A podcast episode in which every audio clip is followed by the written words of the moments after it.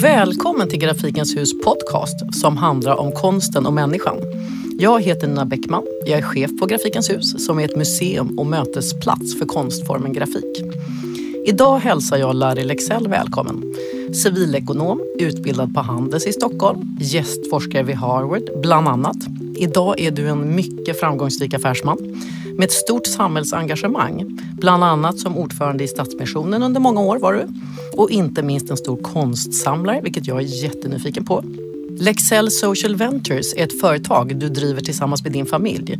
Social innovation för ett bättre Sverige kan man läsa sig till. Hej Larry! Hej, hej Nina. Välkommen hit. Tack så mycket. Du, eh, jag börjar faktiskt med den här frågan om du kan beskriva dig själv med tre ord. Ja, det är inte så lätt, men eh, jag skulle vilja säga karaktärsdrag. Nyfiken, engagerad och intresserad i det mesta. Härligt, det kommer vi komma tillbaka till. Ja. Jag tror att vi kommer ringa in det där många ja. gånger i det här samtalet. Du, jag pratade ju om det här med social innovation för ett bättre Sverige. Vad är det som driver dig i ditt samhällsengagemang? Jag tycker att, att jag alltid, liksom jag nämnde att jag var engagerad. Jag tycker alltså erfarenheten även från Stockholms Stadsmission visar att vi har stora utmaningar i Sverige. Sen jobbar jag i en bransch och har byggt upp ett bolag som jobbar med cancervården, huvudsakligen internationellt. Och det gör att liksom, då har jag varit engagerad i, i internationell vårdutveckling. Men här hemma på vår egen tröskel så är det inte lika alltid, det är inte så, så snyggt alltid som man, eller rent som vi skulle kunna hoppas eller önska oss eller ibland tror. Och då märkte jag att det finns behov av nya modeller i Sverige. Om vi ska tackla utmaningarna som vi har i välfärden, som vi har i plugget, som vi har i, i, med nyanlända och integrationspolitiken. De gamla modellerna som, som vi har lutat oss mot, de funkar inte och det ser man på fler och fler områden. Tanken är då att med Lexell Social Ventures att hitta och bidra till finansiering till sociala entreprenörer och, och, för att få fram nya innovationer. Men även samarbeta med eh, ideella organisationer och även med offentliga. Så att skapa utrymme för lite nytänkande och nya modeller och mera evidens i det som eh, görs. Tycker du det är svårt att hitta fram, alltså, eller rättare sagt hitta dem till er? Har ni börjat få spännande förslag? Och ja, vi har, redan... ja det, det, tycker jag. Vi, vi har, dels har vi gått igenom, vi håller på ett par år nu, vi har gått igenom 600 olika projekt i Sverige och kartlagt liksom vad är det som sker i olika eh, sektorer. Och, eh, och sen har vi öppnat upp för eh, tävlingar eller för att ge projektbidrag. Så vi, vi, ett par gånger per år över nätet så kan man lämna in eh, förslag. Då började vi med helt öppna eh, frågor och då kom det lätt sån här blandad kompott. Men nu har vi rätt fokuserade frågor, alltså nya idéer. Senast var det nu kring psykisk ohälsa bland unga. Och eh, det kommer 100-150 förslag åt gången. Jag ser ju också att ni jobbar med psykisk ohälsa men också mm. till exempel integration för mig märker jag i många situationer där jag är att om man är en grupp av personer med snarlika bakgrunder då kan det också vara väldigt svårt att nå ut till andra grupper i samhället. Mm. Eh, och då tänker jag på självklart mångfald, människor med olika bakgrunder, med olika berättelser. Hur, hur tar ni er an det? Att liksom, hur når ni ut med er information? För jag gissar att ni vill ha idéer från alla mm. håll och kanter. Absolut. Och, och huvudsakligen via sociala och digitala media. Mm. men sen också då nätverk Både med, inom ramen för det offentliga, inom det ideella Sverige, bland experter. Vi bjuder in experter till olika salonger. Så senast hade vi då ett antal experter med, med, med stängda dörrar liksom, där vi diskuterade nya idéer för hur vi ska tackla psykisk ohälsa bland annat. Då. Och vi ska göra en motsvarande nu kring integrationsfrågorna som, som är en brännhet fråga i, i Sverige. Mm. Och, eh, så ja, det saknas inte eh, idéer i Sverige och det saknas definitivt inte engagemang. Vad som saknas är kapital, pengar för att kunna liksom förverkliga idéerna. Och sen så behövs det och så saknas det en öppenhet i det eh, offentliga Sverige. I, i kommuner och landsting och regering och riksdag för behovet av ideella engagemang. Och där brister vi. Mm. Men jag tänker, nu stannar jag mig kvar lite vid den frågan för att jag vet till exempel, jag själv vikarierade tidigare på Konstfack och där har man i jättemånga år jobbat med breddad rekrytering för man vill också hitta människor med olika bakgrund som inte mm. bara är svensk och så vidare. Eh, tycker du att de personerna hittar fram till er med en annan bakgrund än bara svensk? För att det, de flesta är ju svenskar. Ja, det tycker jag. Absolut. Men, ja. Absolut. Det, är, det är oftast det är de med utländsk bakgrund som stöter på och ser problemen Vi har ju en tendens att alltså, myndighetsförklara eller förskjuta problemen till det offentliga. Men de ser ju och de är vana från sina hemmiljöer att det finns det personliga engagemanget. Det har inte, så, har inte oftast, oftast inte så fungerande offentliga välfärdssystem. Så där gör folk saker och ting själva och tar sig an saker och ting själva. Så jag tycker vi har en absolut eh, bredd. Jag tycker nästa fråga om det, alltså, det är säkert 50-50. Vad glad jag blir att höra ja. det. Många av oss kämpar just med det där. Hur når vi ut till målgrupper som vi vanligtvis inte mm. når, som kanske inte känner sig heller representerade i det vi gör. Jag hade till exempel Berang Miri som gäst i en av tidigare podcasterna som pratade väldigt mycket om vikten av att också titta på konstinstitutioner. Vilka är det som jobbar där idag? Och vilka är det, vad visar vi till exempel? Om vi är bara vita medelklass mm. ursprungssvenskar om man så säger så kanske också det blir så vår publik ser ut. Men vi ska komma tillbaka till jag, det där. Jag tror att du har rätt i det Nina, att eh, om du tar det i, i, i det offentliga, så att säga, etablerade Sverige, då är hindren stora de här liksom, offentliga strukturer, eh, det kan vara liksom en, en, högskola eller liknande. Där är det mycket, mycket svårare. Du ser ju samma situation i delar av näringslivet. Alltså det, om du tar det större, alltså större bolag och, och liknande. Och det är mångfald både vad gäller gender, alltså könsfördelningen, mm. men också eh, mångfald från bakgrund och liknande. Jag har väl haft förmånen i och med att vi har jobbat så mycket internationellt i Elekta. När jag, när jag startade det på, på 70-talet, sen det byggdes upp under 80-talet och framåt, då, då expanderade vi snabbt utomlands. Då fanns det inte tillräckligt mycket kompetens i Sverige så vi har aldrig egentligen haft svenska chefer. Utan etablerade vi oss i, i Kina och då hade vi en kines och etablerade vi oss i Indien, då har vi bara indisk personal. Och det har gjort att det är liksom väldigt, på något sätt van med det här cross-kulturella crosskulturella mötet. Och i Sverige är vi inte riktigt vana, vi är fortfarande i en inlärningsfas där. Och det gör också att vi inte alltid tillvaratar de begåvningar eller de möjligheter som den här mångfalden faktiskt eh, ger oss och, och representerar. Otroligt klok analys. Hur tror du det kommer sig att det är lite trögt i de här eh, vad ska jag säga, organisationerna och kanske då de statliga myndigheterna? Vad, vad kommer det sig, och institutionerna inte mm. minst. Varför är det så trögt? För jag tänker, tittar man på Sverige i stort, hur vår befolkning ser ut, så har vi ju en en befolkning med en jättestor, häftig mångfald. Men det är ju inte representerat i alla samhällsskikt. Jag tror att det har lite grann historiskt eh, betingat. Sverige var och har liksom under lång tid väldigt homogent. Och eh, eh jag tror klassamhället försvann, liksom, det, det har liksom suddats ut. Även om det kanske finns element kvar av det, men det är inte så framträdande. Men svenskheten var framträdande. Och, och barn med akademisk utbildning etc. etc. Men framförallt var det svenskt. Om man tittar på eh, mångfalden i Sverige så är det ett relativt nytt fenomen. Och jag tror det är först nu som det här liksom börjar slå igenom.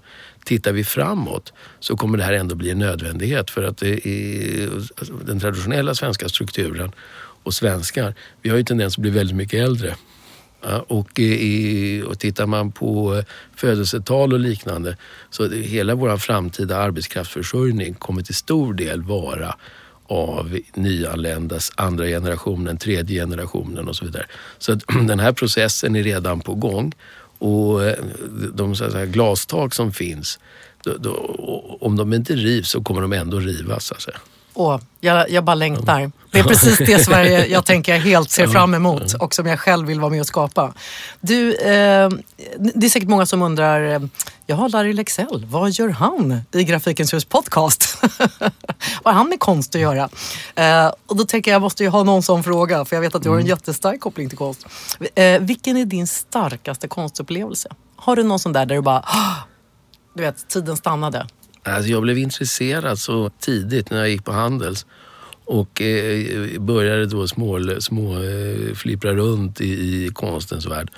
Och, eh, och, och sen har jag alltid varit fascinerad av bilden.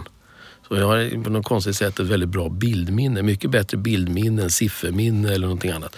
Och, eh, så jag har sett så pass mycket så att det är svårt att säga vad det är som fick mig att säga wow.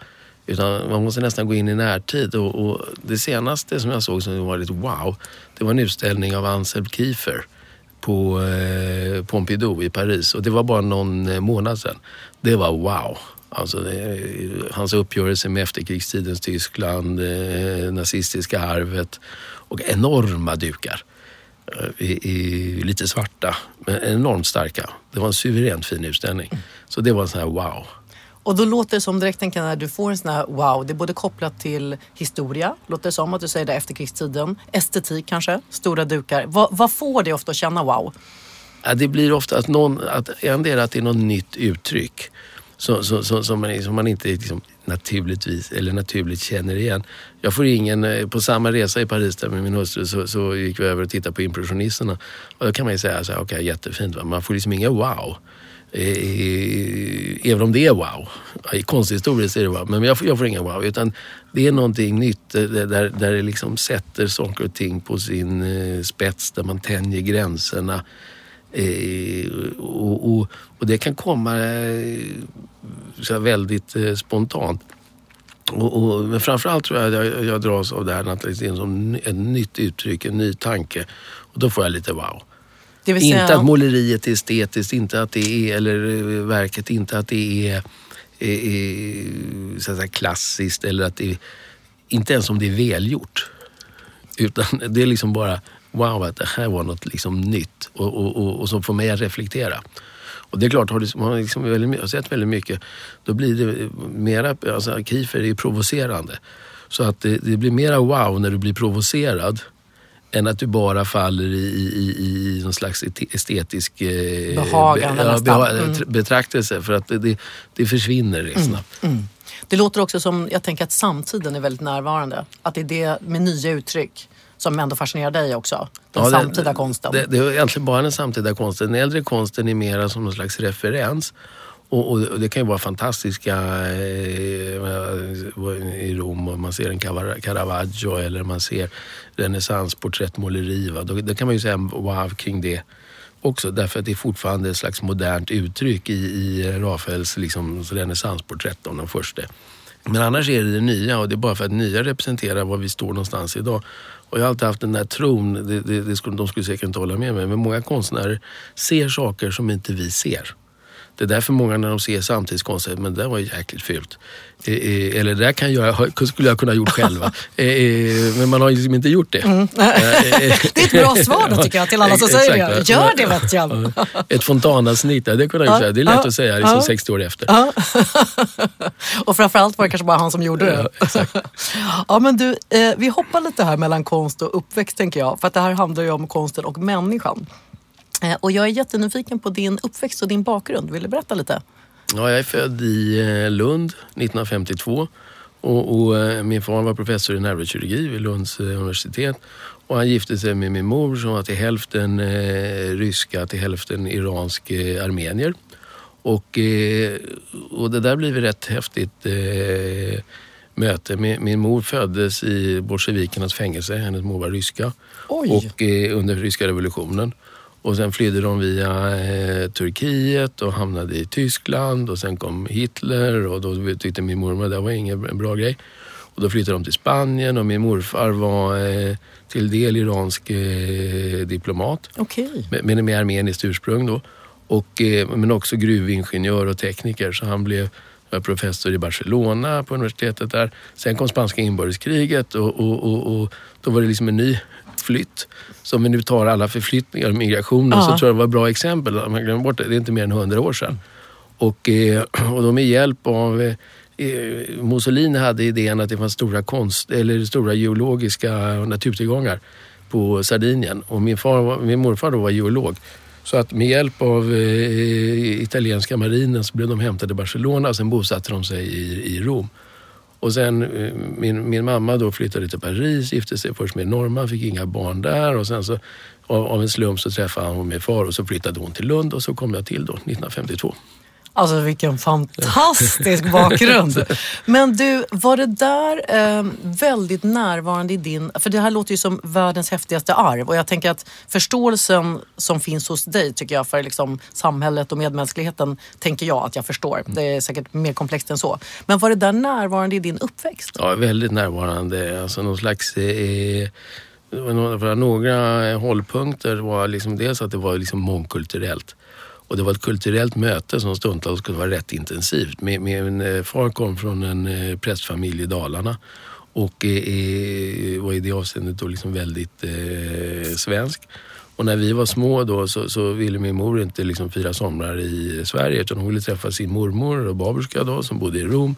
Så varje sommar så tillbringade barnen i, nere i Italien och, så, och, och, och sen hade min far självklart då så, som akademiker mycket internationella vänner så det sprang ju då eh, nervkirurger från halva världen i vårt hem och så vidare.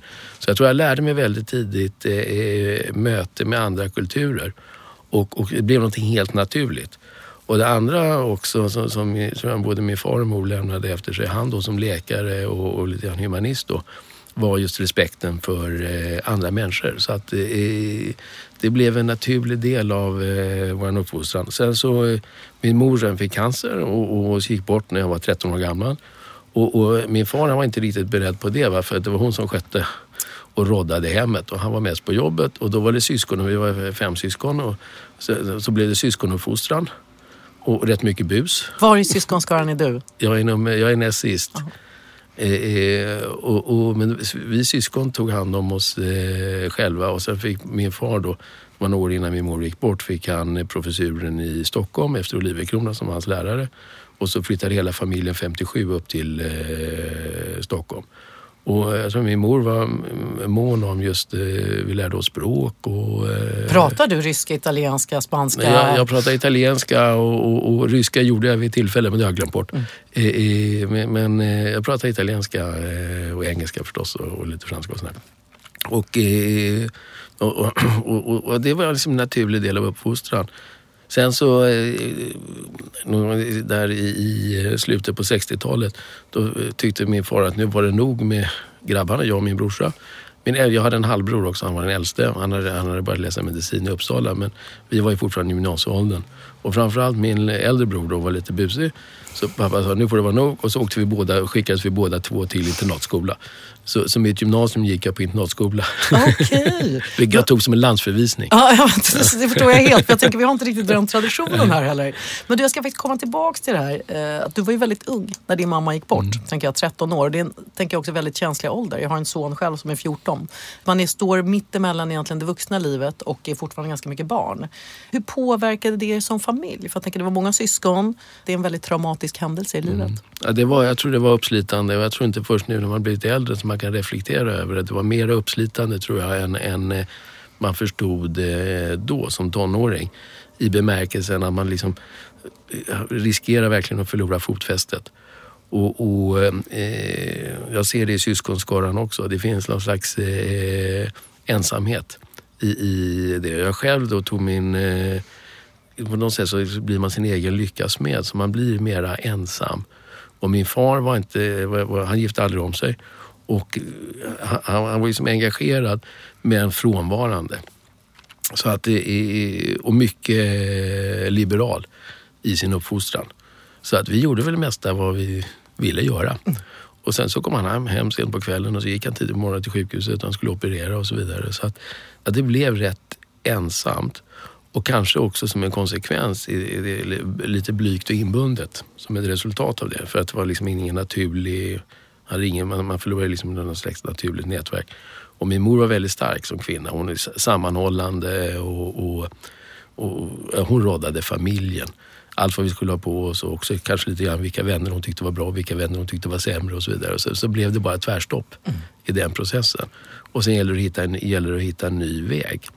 Och, och, eh, jag tror de som blir utsatta för det där, det, det är inte så lätt. Va? Det är lätt att man kommer in på stickspår.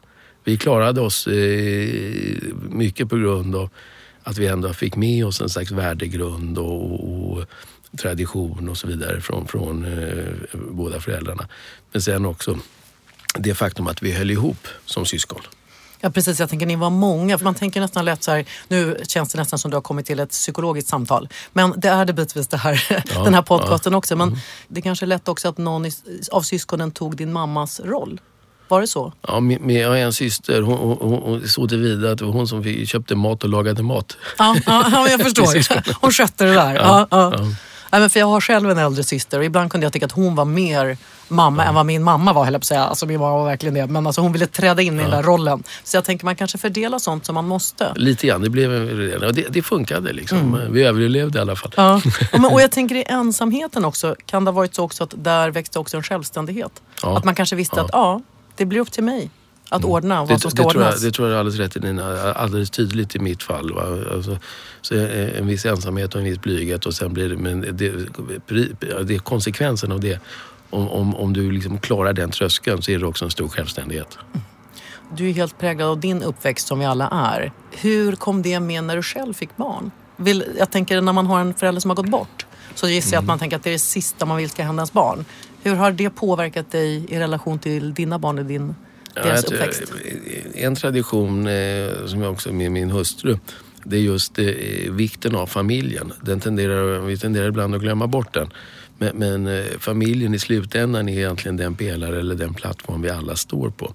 Och, och blir den plattformen för svag Ja, då, då, då, har man tappat sitt väsentligaste nätverk. Så i våra fall då är det just att få ihop familjen men också ge, och det kanske kommer från min, min, min eh, bakgrund och min far, väldigt liberalt också. Var och en liksom gör vad de, så länge det är inom en, liksom en vettig ram, så gör var och en av det de liksom vill, önskar sig, hoppas på och, förväntar sig av, av eh, livet. Så barnen har blivit extremt självständiga men samtidigt är det en väldigt stark sammanhållning. Detta tror jag till stor del också beror på min hustru. För min hustru är stark. Jag jobbade och byggde upp läktaren så att jag hade liksom, när barnen var små, jag kunde ha 200-250 resdagar per år. Så, så jag var inte närvarande på det sättet men ändå tillgänglig. Och sen höll min hustru ihop. Jag kan nog säga att utan henne så hade nog inte familjen Leksell varit så här jättefunktionell. Det kan nog. Jag, jag tänker många bra kvinnor där ute Ja, faktiskt. Ja, utan henne så skulle det varit, det varit- lite körigt tror jag. Ja. Jag tänker också det där med att ha familjeföretag. Din, det var din far som startade företaget Elekta om jag förstår det rätt. Ja, inte riktigt. Inte utan, utan jag startade åt min far för att han Ah. skulle finansiera sin forskning. Och det var aldrig meningen att det där skulle bli något företag egentligen. Utan det var ett sätt för, för, för honom att finan- underlätta finansieringen av forskningen. Ah. Och, eh, och sen skötte jag det med vänsterhanden. Sen, jag startade det där 1972 när jag gick på Handels. Var eh, första året på Handels. Men sen så blev jag akademiker, jag disputerade och var lärare på olika högskolor i, i, utomlands och i Sverige. Sen startade jag några andra bolag och sen, men sen växte det där bolaget. Egentligen utan att man riktigt vet begrepp varför. Men, men det tog lite fart och, och, och, och plötsligt så hamnade vi i läge. Min far gick bort 86 och då hade vi eh, eh, läktaren, jag hade gjort på hans eh, önskemål. Vi hade lyckats sälja vår första strålkniv. Och plötsligt satt jag med den där verksamheten och tänkte okej okay, nu ska jag ge det chansen. 86 då började jag jobba heltid med det som, som eh, koncernchef. Det kom till liksom för att, att det, jag var ekonom och sa till pappa att det är mycket bättre att ha ett företag. Då slipper du betala så mycket personlig skatt och betala bolagsskatt. Du kommer ändå, ändå använda pengarna för din forskning. Ja, men okej, Så- att, så gick det till. Ja, ja, men jag förstår. Då får jag hela bilden. För att jag tänker också just det här annars, att vara i någon typ av... Du jobbade ändå ihop med din far. Det, av Mm. hans idé där blev det ett företag.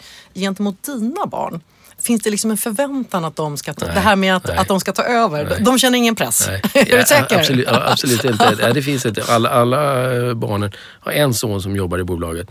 Men de andra har gått sina egna vägar och många är inom techindustrin och IT. Och några, några, några av dem har startat sitt eget och, och någon jobbar med startup och min dotter jobbar på Google. Däremot så har jag försökt med under årens lopp, att, och det, vi har pratat om det mycket i familjen, att, att om du har ett bolag som Elekta som ändå är börsnoterat och bland de större på Stockholmsbörsen. Du måste ändå ta, ta ställning till vilket ägaransvar du har.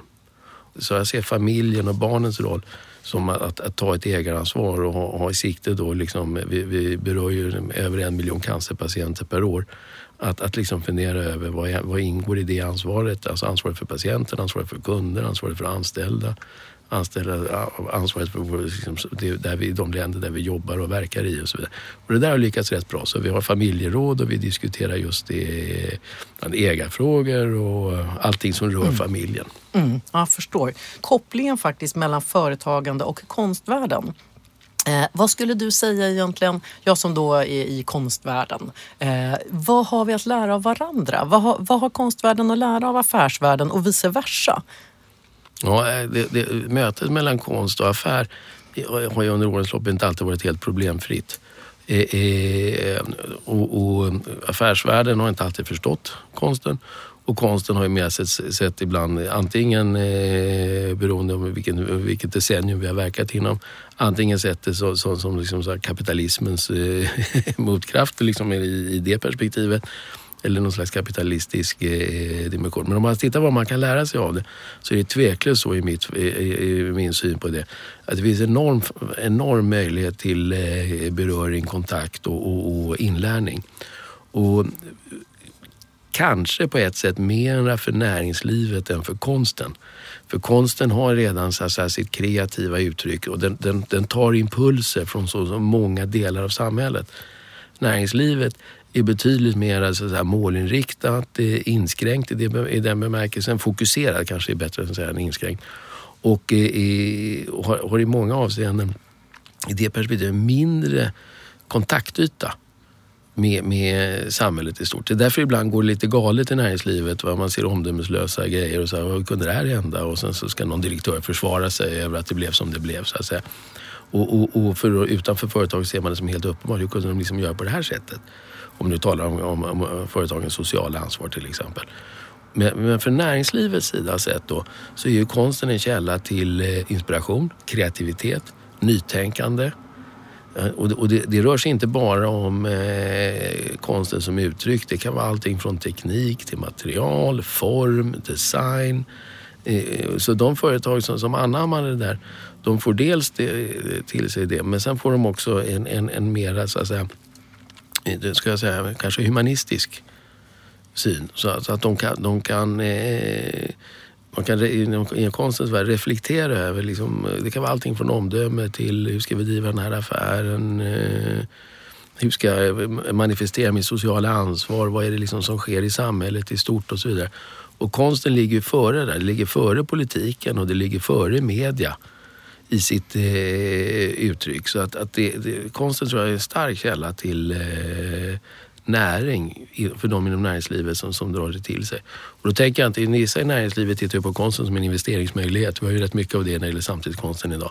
Och det är en helt annan eh, sak. Det är oftast en återvändsgränd.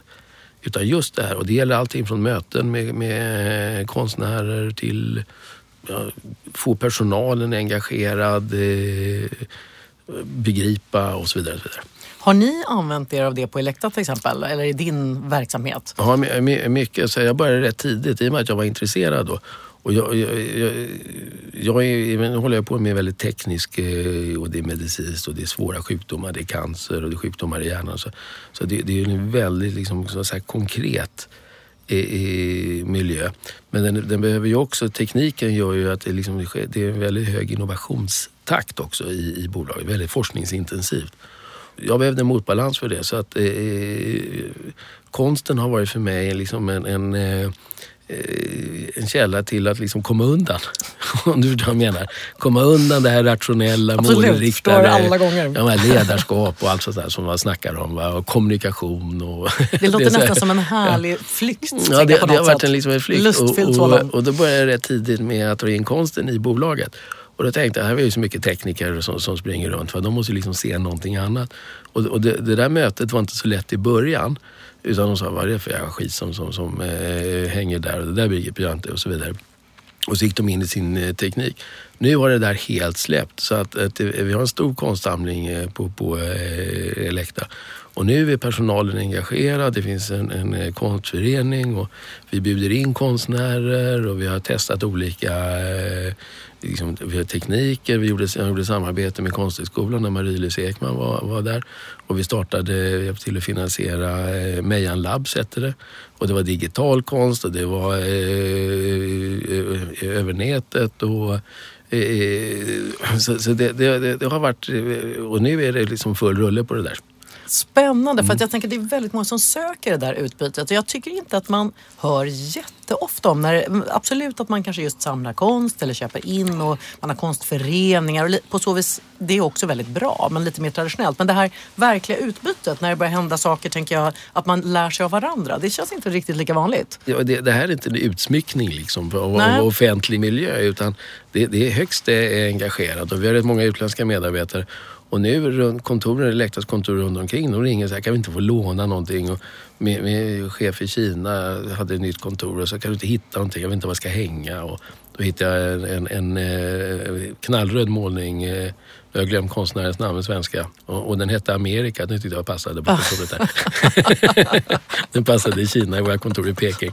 Och det knyter ihop personalen också. Det blir diskussion och debatt. Jag hängde upp en, en bild av Sirius Namasi på, på säkert 10-15 år sedan. Och det är en kille som står i en skog och så, så ser han ut som han blottar sig liksom, med ett foto.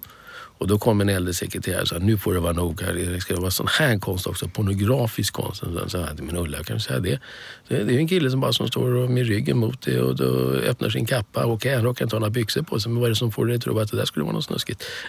Så det, det blir rätt kul sådana här diskussioner. Ja, men det jag kan ja. väcka mycket. Men gör ni även sådana där, för jag tänker då, då blir det ju för all personal att ta, såklart se den här konsten och mm. diskutera den. Men gör ni även liksom workshops och så med konstnärer, tänker jag? Mm, det här ja, riktiga kunskapsutbytet så att säga, och innovativa för några år sedan hade vi då med Peter Hagdahl och Johan Skott. Då gjorde vi, eh, testade vi med, med videoskärmar, det var Peters idé. Och, och, och, så tog vi in och så, så kunde vi displaya olika konstverk då. Så, och det här var rätt länge sedan då. Eh, var säkert en sju, åtta år sedan. Så det var liksom rätt nytt. Och sen har det varit föredrag, men inte bara konstnärer. Då vi hade Nalle Tengroth som är professor emeritus i ögon, ögon, en av Sveriges främsta ögonkirurger. Han hade föredrag för personalen. Hur ser ögat färg? Och hur uppfattar man konsten? Och det är den typen av utbyten. Mm. Jag tycker det låter superbra. Du, jag, jag, kommer tillbaka till också, men dock har du en konstsamling. Det måste vi även prata om. Mm. hur många verk har du i din samling? Oops, eh, Ungefär?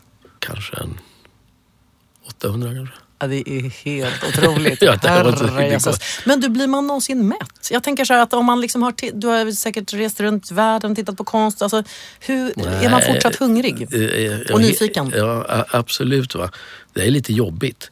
Därför är det ju en enorm spännande och hela tiden nästan överproduktion av konst idag. Samtidskonst. Jag skulle kalla det överproduktion. Så det är så enormt många eh, intryck. Och eh, eh, då sliter jag med, mellan å ena sidan, jag vill inte kalla det samlare, utan kons konsumera konst. Eh, alltså konsumera det jag ser på ena kanten. Men sen försöka ha någon slags rationalitet kring det. Och, och oftast brister rationaliteten. Så, så, att det finns ju inte plats för alla de här grejerna. Så det känns ju inte så här jätterationellt. Det känns ju till och med slösaktigt och, och försöka balansera det där. Men, men eh, så då går det lite grann i vågor och ibland så, jag kallar det nästan som att man får ett epileptiskt anfall, så plötsligt så blir jag så här jätteköpsugen.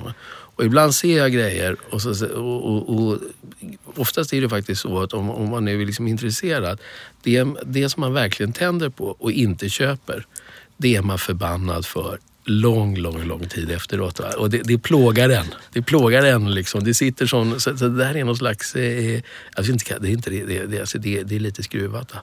Finns det något konstverk där ute som du bara, ah, men varför absolut. köpte jag inte? Att du nästan vill skjuta dig själv? Ja, absolut, jag kan gå tillbaka till och, och, och, det värsta är att jag har liksom sånt, som jag nämnde, bildminne. Jag kan gå tillbaka, jag kommer ihåg Lars Bomans galleri hade en utställning av en grej. och, och, och det här var länge, länge sedan. Det var en målning av eh, Lennart Rode tror jag det var. Och den där ville jag liksom bara ha. Va? Men, men den var ju för dyr då. Va? Den ångrar jag fortfarande. Jag har sett vissa målningar, du frågar mig på vissa gallerier. Jag kan nästan säga var de hängde. Och, och, jäklar att jag inte... Så, så det, det, finns någon slags manisk eh, grej i det där. Eh, och, och jag, jag, köper inte konst som investering. Jag säljer nästan aldrig konst. Jag har aldrig sålt någonting. Utan det är ett förhållningssätt och när du har gjort det över en längre tid då blir det rätt kul för att, att eh, då, kan du, eh, då kan du säga till dig själv vad fick du att köpa det där och Larry? Det där var ju verkligen dåligt. Va? Men du vet varför du köpte det vid det tillfället och vad det som drev dig till eh, ditt intresse då. Sen ett antal år efter så säger du det där kanske inte var så smart. Det, det sker ju också. Men det finns ett förhållningssätt till alla eh, verk. Så det går väldigt mycket på känsla? Bara på känsla. Ja. Att bero på den där Rode, om den sen skulle dyka upp du vet, 10 år senare eller 15 år senare ja. som auktion, skulle det slå till då? Eller har, Just, har det passerat då? Ja, det vet jag inte. Rode kanske då har passerat. Va? Men, men nej, tveksamt alltså. Jag tror jag skulle hänga på den där. Alltså, nu har ju också konsten blivit så mer otillgänglig så tillvida att den har blivit så dyr. Det är inte så lätt att konsumera konst faktiskt. Det, det har liksom blivit en lyxvara. Och, och, och, det är ju liksom en viss utmaning. Men om det dyker upp ett verk som, som, som, som jag har sett, alltså det, det har hänt. jäklar nu ska jag ha den där. Ja, ja. Jag tänker just att vissa saker är säkert så att man kan aldrig släppa dem. Och Nej. andra kanske just var den tiden då det var väldigt speciellt. Och då kanske det är Absolut. lite så här, det har det, passerat. har, du det ni när man ser någonting som här, det där var ju inte så jäkla kul. Eh, Verk som kanske är 10, 15, eh, 20 år gammalt. Men, men, men om, om verket var liksom bra, man var liksom har- på sin smak. Ja. Vid den tidpunkten så representerade det verket någonting för, för dig som, som, som, som individ. Och, och kan du hålla det levande, ja, då, då finns det en inlärning i det som, som, som är rätt intressant. Sen kan du säga då att, att okej, det, det, det berör mig inte lika mycket längre, va? Men, men då när det skedde, då berörde det mig. Annars har inte verket varit med i samlingen.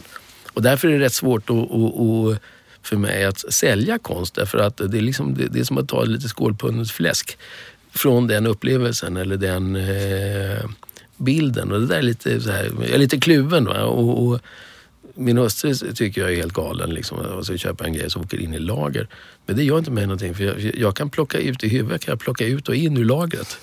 Förstår du? Så jag, jag, Det är behöver- jättepraktiskt. Det, det behöver inte hänga. Va? Jag vet precis liksom, så, ha det där, ja, okej. Va? Någon gång vet jag att då kommer den upp. Liksom.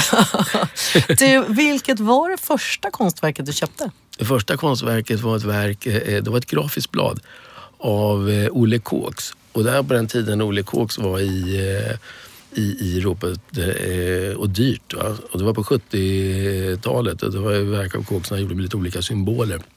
Och det där tyckte jag var så jäkla eh, häftigt. Så jag hade ju inga pengar då, så jag hade studielån. Så jag tog studielån, det var en tredjedel av mitt studielån för året, så det var liksom eh, våghalsigt. Och, och det var det första verket jag köpte och det har jag kvar. Har du fortsatt handla grafik? Det är väldigt mycket ingångar för att den just är tillgänglig och det är det jag tycker är enormt sympatiskt med grafiken. Att fler har råd att ha konst på väggen. Nej, men när jag var yngre då, då hade jag liksom inga pengar. Då köpte jag grafik. Jag blev fascinerad av grafiken på Fondation Mect i, i, eh, nere i, utanför Nice. Och, och där hade ju liksom då fantastiska konstnärer. Det var innan jag liksom blev så här väldigt samtida. Och, och då köpte jag och min hustru mycket grafik. Och, eh, eh och, det är precis som du säger, har du fantastisk konst till ett överkomligt pris. Så, och, och som kvalitativt är, är lika bra, i många, fall, många gånger mycket, mycket bättre kanske än ett originalverk. Och, eh, så det kan hända att jag fortfarande köper eh, grafik, teckningar och sånt där. Kanske inte så mycket eh, litografier och liknande som jag gjorde förut. Men, men men jag, jag kan ibland gå på auktion och så kan det ligga en, en bok med, med grafiska blad. Det kan vara hur fin som helst. Och så du ser liksom ingen skillnad, för det är inte viktigt just att alltid ha originalkonst Nej, eller så. nej. nej är Absolut inte. Ja. Och varför är konst viktigt för dig då? Personligen, liksom, vad, vad är det i konsten som liksom är viktigt för dig? Ja, Jag har väl ett intresse för, för eh, förenkla kanske färg och form och bild och, och, och, och, och inte minst eh, form. Så jag gör rätt mycket skulptur. Och konsten det ger mig eh, tillfälle liksom att stanna upp, reflektera lite sådär va. Gärna bli lite provocerad så här, på äldre dagar. Va? Får man liksom såhär, eh, det här var coolt eller eh, det där var ju häftigt liksom. Och jag, jag, jag, sällan att jag, väldigt sällan, eh, när jag var yngre så hände det väl ofta liksom att, att jag bedömer konsten utifrån ett estetiskt synvinkel. Utan mer vad, liksom, vad är lite grann syftet och så vidare. Och, och framförallt liksom bara det omedelbara intrycket. Och, och ju svårare och mer komplext verket är, desto mer måste man ju fråga sig då. Så det, blir en, det, det är en källa till näring för mig. Så, att är- så fort jag har tid, och det kan vara mellan två möten, så kan jag springa förbi galleri och så Oh. kikar jag liksom på, på det. Och, och, och, nu när man har köpt rätt mycket, va, då får man ju rätt mycket förslag från olika gallerister. Nästan för mycket, för det är liksom överproduktion. Men, men, då ser man någonting. Och, och mycket, som, som, när man ser till mycket, så ser man rätt, sällan är det kanske något där riktigt nytt. Det kan vara bra, så här, men, men det är inte det där wow. Liksom, så här. Så att, att, men när du då möter på de där just de här wow-tillfällena, då är det en fantastisk näringskälla och, och, och möjlighet till reflektion och, och, och provokation och, och även paus. En paus i, i vardagen. Ja, att det blir nästan så här kontemplativt, Ja, tänker jag, att precis, vara i den världen. precis. Tycker du liksom det är ett större konstintresse idag eller är vi mer isolerade i våra yrkesgrupper? Ibland, jag kanske hittar på det här, men ibland får jag för mig att tidigare så upplever jag att man umgicks mer över, alltså det var en konstnär med, det var en arkitekt, det var en affärs, alltså du vet affärskvinna, affärsman. Idag mm. ibland så blir alla grupper så, de håller sig för sig ja, på något jag sätt. Tror, jag tror du har rätt i det. I och med att samhället har blivit mer specialiserat så, så på ena kanten då alltså, så har de också boxats in sig i olika fack. Om det sen är näringslivet, förvaltningen, eh, politiken, kyrkan, militärerna, konsten, kulturen och så vidare. Så är det betydligt mer inboxat. Och vi har nog varit i en period under efterkrigstiden där det har varit en misstänksamhet mellan grupperna. Lite grann drivet av, av politiska eh, skäl. Tittar man i, idag så tror jag när man, man pratar med folk så, så, så känner alla liksom både möjligheten och ett, visst, ett växande behov av mötet över gränser. Och, och, just därför att, att, eh, vi står lite grann inför nya utmaningar. Vi, behöver, vi förstår också att vi lever i ett liksom, livslångt lärande. Så att det går inte liksom att tugga i gamla spår om vi vill eh, förnya oss, om vi vill förstå och om vi vill också vara med och kanske påverka det som sker runt omkring oss. Så jag tycker att öppenheten är större men det, det är fortfarande där lite trevande i Sverige. Sen om du tar konstintresset, det tror jag absolut. Va? Det, det liksom växer eh, stort. Ibland kanske av fel skäl. När du tittar på samtidskonsten då så, så, som eh, mera från ett ekonomiskt eh, perspektiv. Men detta oavsett så är det ju faktiskt så även då så tvingar det ju fram ett engagemang och ett intresse. Så att, att eh, oavsett var man kommer ifrån så, så, så jag är positiv till att folk engagerar sig. Och det, man tittar på eh, alltså besökare på museerna och eh, liknande. Så att jag tycker Sverige är väldigt eh, starkt och långt framme.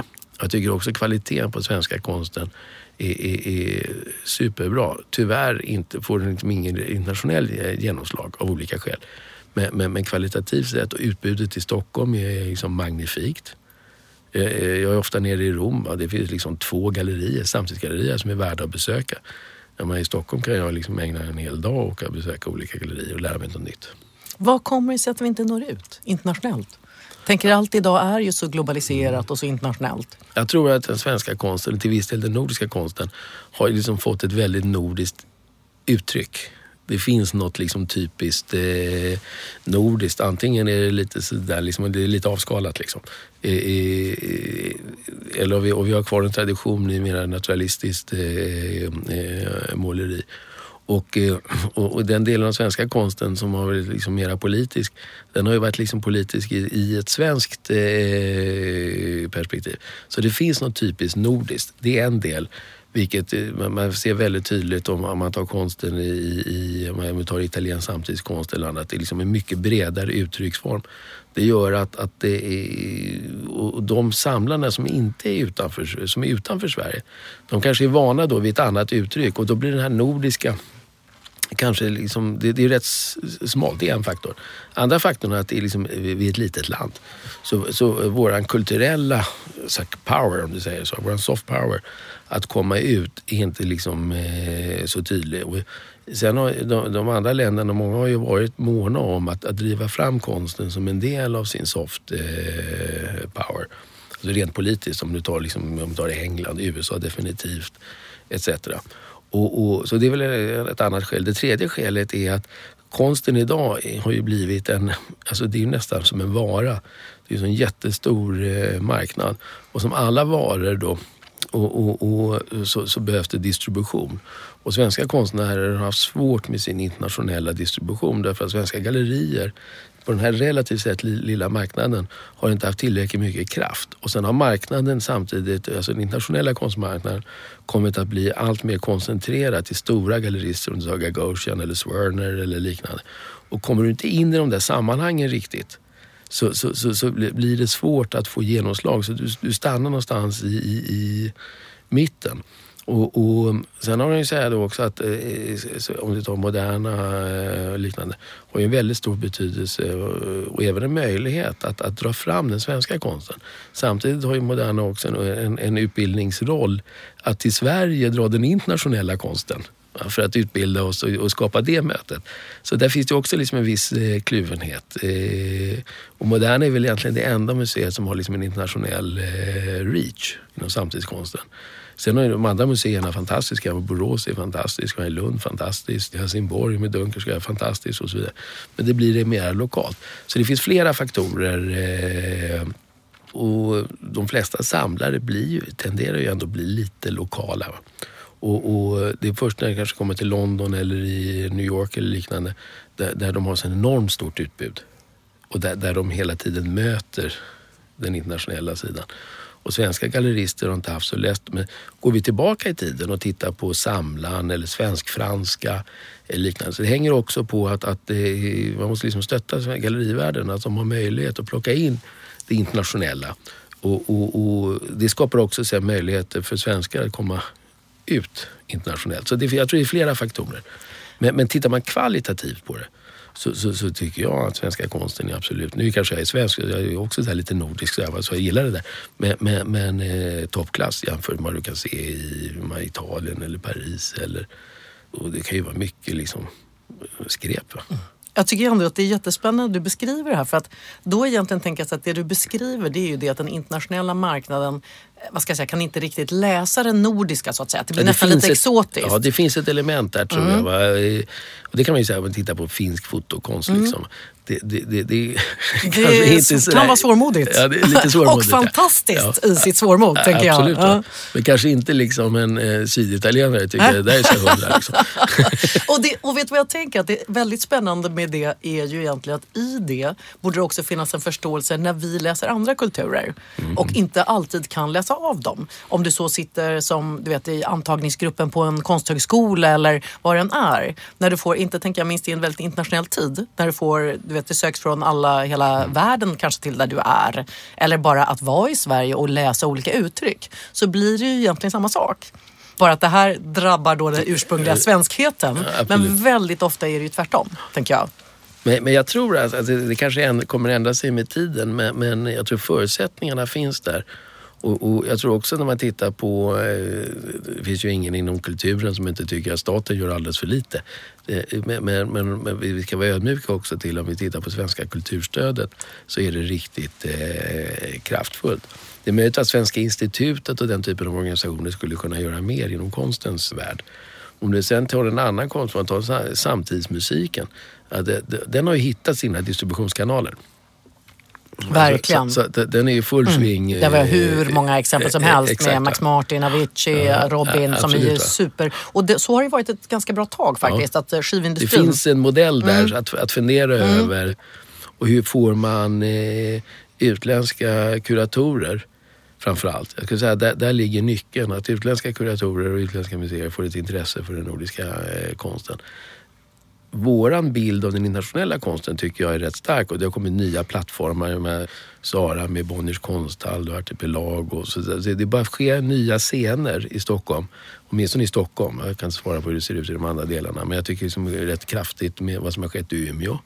Starkt. Och, och, och, så jag tror att, eh, och det där är viktigt också för att stimulera svenska konstnärer. Visst, absolut att de fortsätter vara starka. Ja. Vi berör det här hela tiden, men vad tycker du samtidskonsten ska ha för roll i vårt samhälle? V vad är det den borde syssla med, tycker du?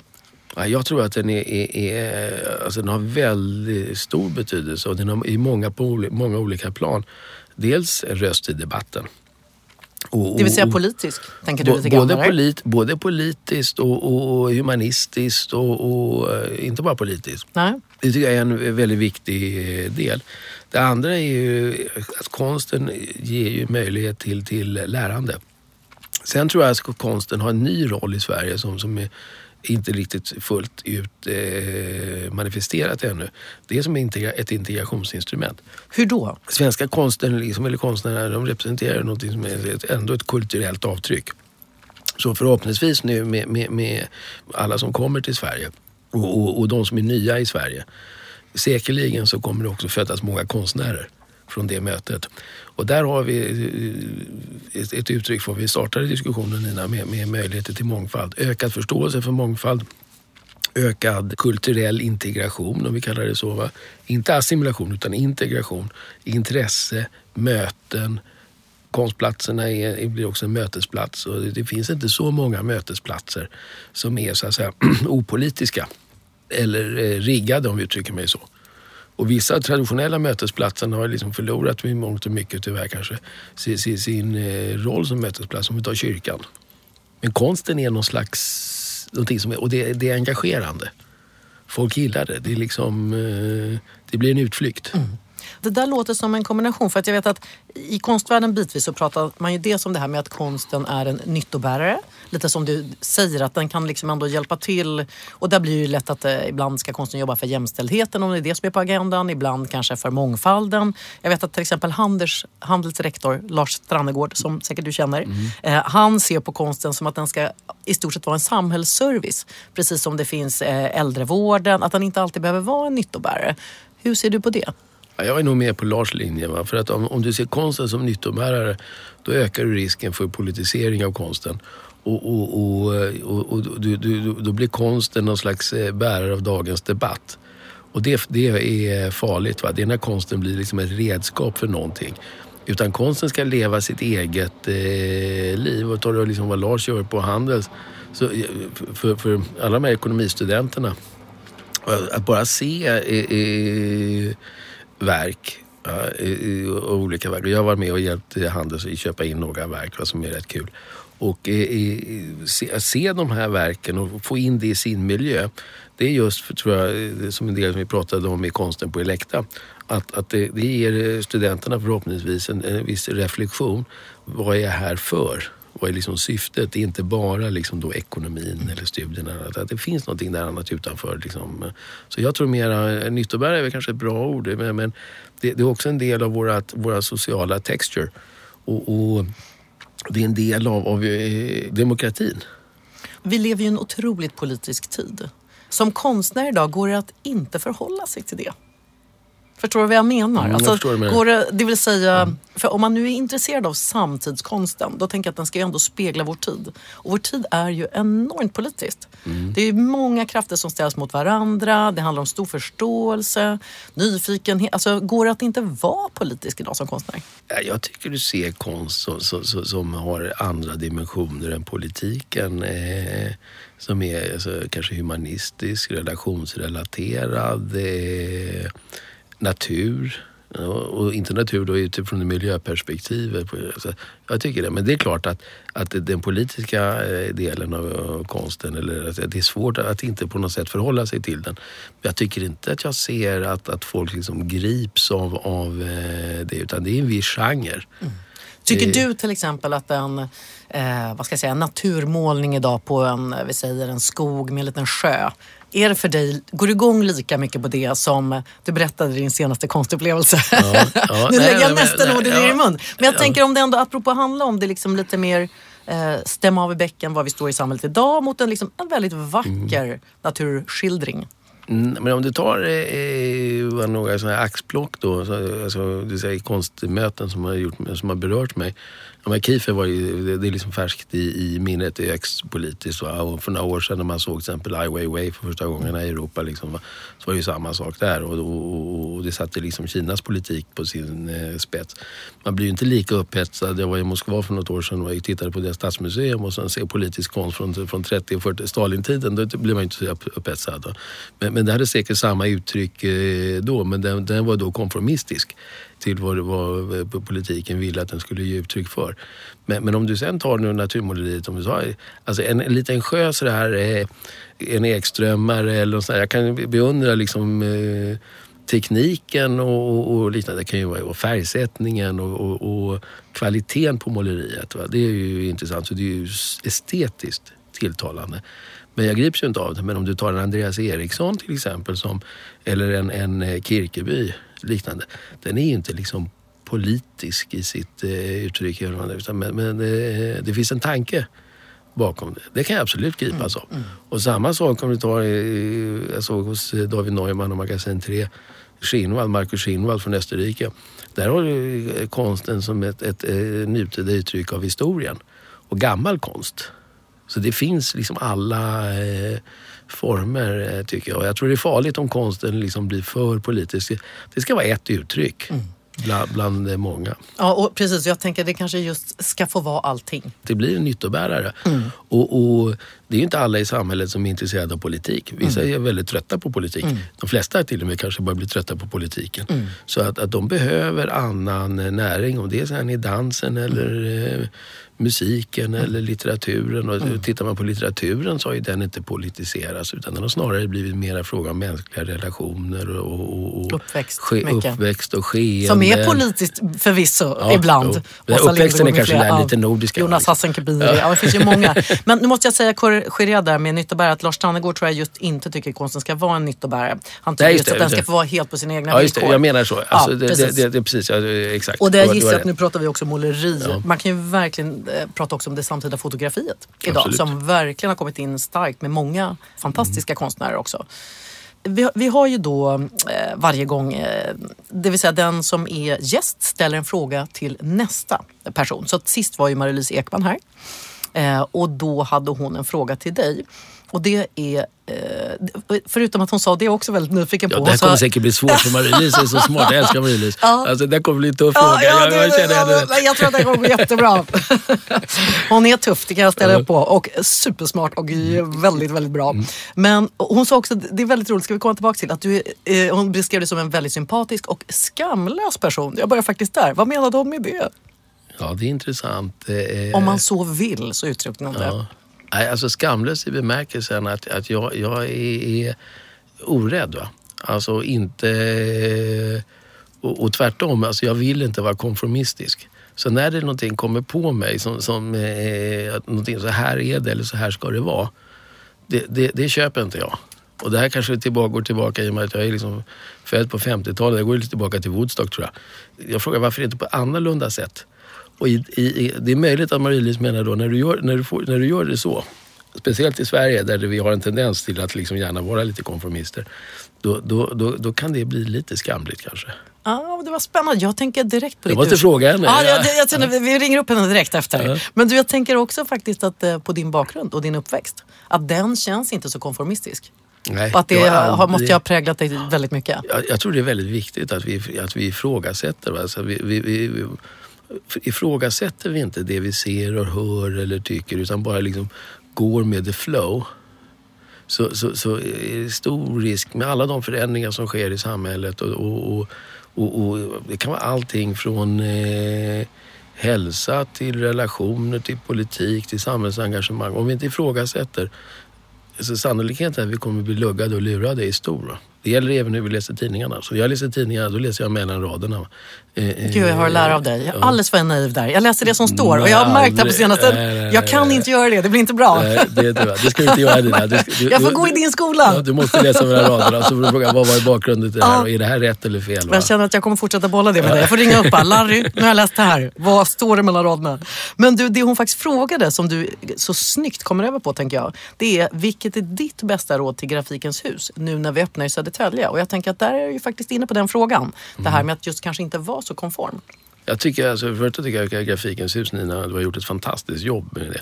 Och, och jag tycker nu, nu, nu var det olyckligt med den här eh, stora eh, branden. Men, men eh, det är ju också möjlighet till nystart. Och, och, och, och ta, en eftertanke då, vad, vad, gör vi nu då? Det kan ju inte bli en ny lada. Och då när det gäller Grafikens hus så tror jag, eh, först har vi då liksom, nu hamnar vi i Södertälje, eller nu hamnar du i Södertälje. Vilket jag tycker är en fantastisk möjlighet. Och eh, jag hoppas då att, att eh, staden och, och, och, medborgarna i staden ser det, liksom, vilken tillgång som det här eh, skapar och resurs det här skapar för Södertälje. Och då är frågan, hur utnyttjar man då den här resursen? Jo, det första tycker jag då att, att här har vi en ny mötesplats och, och Grafikens hus har ju, du, du har ju en, en extra möjlighet till mötesplatsen för det finns liksom tryckeri och det finns möjligheter och det finns utbildning och konstnärer kan komma. Det andra, eh, i den mötesplatsen så, och med sin lokalisering till Södertälje så, så finns det också förutsättningar att hitta nya begåvningar som aldrig når ut i det här institutionella eh, Sverige. De kommer inte komma in på Mejan, de kommer inte komma in på Konstfack etc. Men, men, men, men de bär med sig någonting och kanske bara en vilja att uttrycka sig. Då det, finns det en tillgänglighet. Med det som bas så, så är också Grafikens hus en, en, en högst potentiell stark integrationsplattform. Det kan vara allting från kvinnosidan, alltså hela, eh, hela det feministiska, få upp den gruppen. Även om jag tror att den gruppen är så pass stark så den hittar sina egna vägar. Så det kan vara nog lika viktigt att hitta unga arga pojkar i Södertälje till Grafikens hus som att hitta tjejerna. Så jag ser det som, som en mötesplats möjligheten då för, för Södertäljeborna och den mångfald, stora mångfald som ska prägla Södertälje att, att eh, eh få se svensk, del av svensk kultur, att kunna uttrycka sin egen kultur och i, och i det perspektivet då också fungera som, som en liten modell med konsten som bas för integration som inte är politiskt eller riggat eller alltför eftertänkt utan en spontan mötesplats. Och sen har du då slutligen och sist men inte minst att Grafikens hus ger faktiskt en möjlighet till, till många. Så, som, eh, det är möjligt, det står inte till buds nu när det gäller liksom original och annat, att faktiskt liksom köpa det verket och sätta på väggen som man eh, verkligen gillar. Istället för kanske liksom en reklamaffisch eller en karta. Liksom. Mm. Alltså jag tänker de här samtalen, vi är ju så lyckliga. Bara det du säger är ju otroligt bra råd. I den här podcasten som just har det som uppgift att undersöka vad ska vi komma att bli? Så jag tycker att du precis är liksom på spåret om var vi just ska hamna. För att jag tror att det här med mötesplats är väldigt, väldigt viktigt. En, en plats där just alla möts. För att idag är det ju väldigt, alltså i Södertälje, här, överallt, det är ju väldigt segregerat. Mm. Och man, man håller sig inom sina grupper även fast du har skolan där du möts möts så kanske ändå det är socioekonomiska faktorer beroende på var du bor och så vidare. Så jag tror att det där med mötesplats. Nej, jag tror inte det är så lätt för Söder, vissa Södertäljebor liksom att säga nu är det lördag, nu ska vi ta hela familjen och åka till Moderna Museet. Liksom. Det finns så mycket annat med unga barn och liknande. Men i Södertälje så, så, så, kan du göra det. Och, det, det är liksom i din, och, och, jag tror också att för Södertälje som stad så, så, så får, man snurr, får du snurr på det här då så, så, så, kommer det också gå en ström från Stockholm och från södra eh, kommunerna till Södertälje. Precis som jag menar, jag, det öppnade, då drog alla mina barn till Tom Tits liksom. Det var supercoolt. Ja, ja men precis. Och jag tror dessutom så tittar vi på en plats där vi ska dela trädgård med Tom Tits. Ja, så då kan vi, det är perfekt. Det är då kan vi ha både innovation absolut, ihop med konsten och grafiken. Då jag tror att det kan bli hur bra Sen kan vi säga, tycker jag också, vilket man, man ska komma ihåg, med, med Grafikens hus, som är det program som, som, som, du har lagt på Grafikens hus, så, så är, är det inte bara en mötesplats utan det finns också möjlighet till engagemang och aktivitet, vilket inte finns på alla liksom, museer. Eh, utan det är mer att gå runt och titta och inte röra. Mm. Liksom. Väldigt eh. sant. Hos oss är ju görandet mm. i fokus. Mm. Och det, var, det som är härligt med det, det var ju precis det som också Philip von Schantz, som var en av konstnärerna som drog igång Grafikens hus, de var ju flera stycken som var engagerade, att det var just det här väldigt pedagogiska incitamentet. Att du skulle kunna se grafiken, göra och handla. Alltså det fanns alla de precis. där spektran. Så jag tror att våra verkstäder som vi kommer fortsätta ha är jätteviktiga. För ja. det, det skiljer oss väldigt mycket skulle jag säga också väldigt från mycket. andra institutioner. Att det är görandet som är hjärtat i verksamheten. Sen har du högkvalitativ möjlighet till grafisk produktion. Så det är ju också en viktig plattform för svenska konstnärer. Det är inte så lätt idag. Det är inte så många som får tillgång till tryckerier eller annat eller kan göra det på ett professionellt sätt. Helt så det är, viktigt, det är viktigt för svensk konst också att, att det, grafiken lever. Mm. Jag är väldigt glad för de råden. Du, I nästa avsnitt då ska ju du få ställa en fråga till nästa gäst. Och nästa gäst är Sadia Hussein som är konstnär och vi jobbar just nu i ett projekt med unga tjejer i Södertälje. Hon har gått på Konstfack. Hon är väldigt nära grafiken också. Och det här kommer resultera i en offentlig utsmyckning i Södertälje. Vi håller på och jobbar i två, tre månader med den här gruppen unga tjejer. Ett gemensamt projekt som heter Uttryck som handlar om att eh, synliggöra dem, ge dem en röst. För att det har man också konstaterat att, att tjejer i den åldern är inte lika synliga på fritidsgården och så vidare. Eh, och då undrar jag, har du någon fråga till Sadia? Hon är ett, intressant, eh, eh vet, hon representerar en ny, en ny generation svenska konstnärer med, med, med en eh, utomnordisk eh, bakgrund. Och med hänsyn till att, att vi har den här mångfalden i Sverige idag och vi har fått in också så väldigt många helt nya alltså, i, i, systemet och vi, redan har, vi har, hade tidigare redan många. Hur eh, kan hon som förebild, eller vad behöver man göra inom konstens värld? Och lite grann där du började också, institutionerna, för att säkra att, att vi hittar nya begåvningar. Jag tror det ska vara enormt berikande för, för eh, svensk konst så att, eh, och det skulle kunna skapa nya modeller för liksom hur du ska komma in i det svenska samhället. Där du inte liksom är beroende på, på det sista jobbet eller SFI eller ja, vad det nu kan ja. vara för någonting. Så, så för Zaida, alltså, hon har den här erfarenheten och har gått på Konstverk. Alltså, hur, hur, vad, vad, vad är det vi skulle kunna göra? Två, tre grejer som, som sätter lite grann en sån hjul i rörelse. Och som blir liksom i slutändan ett spontant hjul som rullar lite grann av sig självt. Jättebra. Du, den ser jag fram emot att ställa till henne på alla sätt och vis. Men det är en fråga till jag också vill ställa till dig. Vem skulle du vilja vara för en dag? Om du fick vara en annan person för en dag? Jag skulle inte vilja vara konstnär för det skulle, jag är alldeles för klåpig. Jag skulle, in, jag skulle definitivt inte vilja vara kirurg för, för, för patienternas bästa. Jag, en dag är lite kort, men jag tror att jag skulle vilja vara politiker för en dag. Spännande, varför då? Nej, jag, jag tycker att, att det, jag, menar, jag, jag nämnde för att jag är engagerad.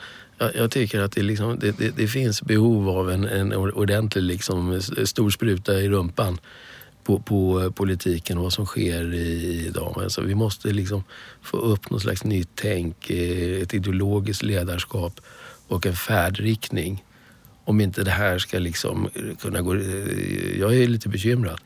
Jag är bekymrad det som sker i Österrike. Jag är bekymrad, alltså inte så mycket här i Sverige faktiskt. Jag tycker vi har eh, större stabilitet än på många andra håll. Men om man tar i Holland, Frankrike. Det är ett enormt tryck på Europa idag.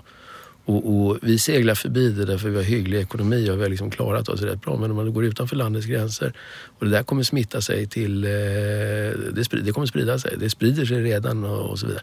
Så jag, jag, skulle, men tyvärr kommer inte en dag räcka för det där. Vem vet? Du kanske ska ägna många dagar åt det, inte bara en. Det, det är kanske något du kommer att göra. Du, tack så otroligt mycket för att du ville vara med. Tack själv, eh, och jag undrar så här, nu, de här, våra lyssnare är säkert jättenyfikna på dig. Var hittar de om dina projekt? och har du massor nya saker på gång? Och hur kan de följa ja, dig? Leksell Social Ventures kan de hitta på, på eh, lsv.com. Ja, vad som sker inom cancerns eh, värld och strålbehandling det hittar de på elekta.com. Vad jag gör till vardags lär de inte hitta för jag är inte med på Facebook, jag är inte med på LinkedIn eller något av de där. Så jag vill inte lämna för mycket digitala avtryck. Så att, men, men, men, eh, men, jag är tillgänglig via båda de två kanalerna. Och kanske via telefon? Och via telefon, absolut. Man kan via, ringa dig. Via mail också, ja, absolut. Det låter superbra. Ja. Stort tack, ja. verkligen. Tack själv och lycka till med Grafikens hus. Ja, men du, tack. tack. tack. Och tack alla ni som har lyssnat. Grafikens hus finns än så länge att besöka på grafikenshus.se. Gilla oss gärna på Facebook där vi finns och Instagram så ser ni hur vi kommer bygga upp ett nytt museum i Södertälje och alla konstprojekt vi håller på med redan nu och fram till dess. Hej då!